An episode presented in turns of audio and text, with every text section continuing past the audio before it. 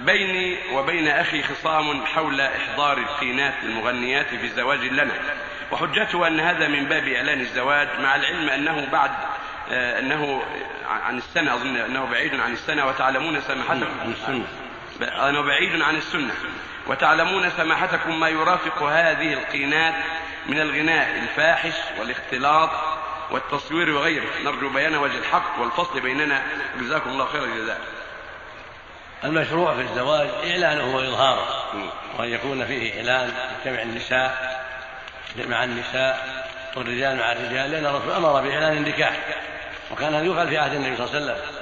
يجتمع النساء إلى أهل العروس ويزفونها إلى زوجها ويكون بينهم بعض الأغاني العادية الوطنية في مدح الزوج وأهل الزوج أو مدح الزوجة وأهلها وما أشبه ذلك. أتيناكم أتيناكم وحيونا نحييكم. إلى غير ذلك. هذا شيء لا بأس به. أما الأغاني المنكرة التي فيها الخمور أو الدعوة إلى عشق النساء أو عشق الرجال أو رفع هذا بمكبرات الصوت هذا كله منكر. أما الغنى العادي بين النساء وحدهن من دون اختلاط في محلهن من دون مكبرات ولا اختلاط بين النساء الغنى العادي لا بأس به. هو من إعلان النكاح. كما كان في عهد النبي وكما كان أزواج النبي يحضرن عليه الصلاة والسلام. وأما الرجال فلا.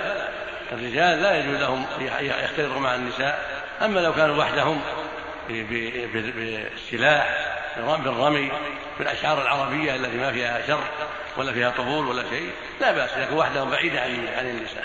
كما يفعل بعض الناس يرمون وقت الزواج لإعلان النكاح بالرمي ويجتمعون على قصائد جيدة في الحماس الدعوة إلى مكارم الأخلاق ومحاسن الأعمال والشجاعة وتعلموا بالرمي وحمل السلاح ما نال في هذا بأس.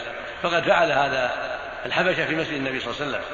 كانوا يلعبون بالحراب وفي المسجد والنبي ينظر إليهم فهذا لا بأس به يعني كما أقره النبي صلى الله عليه وسلم. إذا كان من هذا الطريق مما يتعلق بالحماس في تعلم الشؤون الحربية أو كيف يحذف الرمح كيف يحذف الحربة كيف يرمي بالبندق كيف يحمل السيف إلى غير ذلك. هذا شيء ينفع الجميع. أما مع مع اختلاط النساء فلا يجوز أو مع الطبول كذلك أو مع أغاني منكرة في تتعلق بالنساء وشؤون النساء وجمال النساء أو دعوة إلى فسوق وعصيان أو خمور أو أشياء هذا ينكر يمنع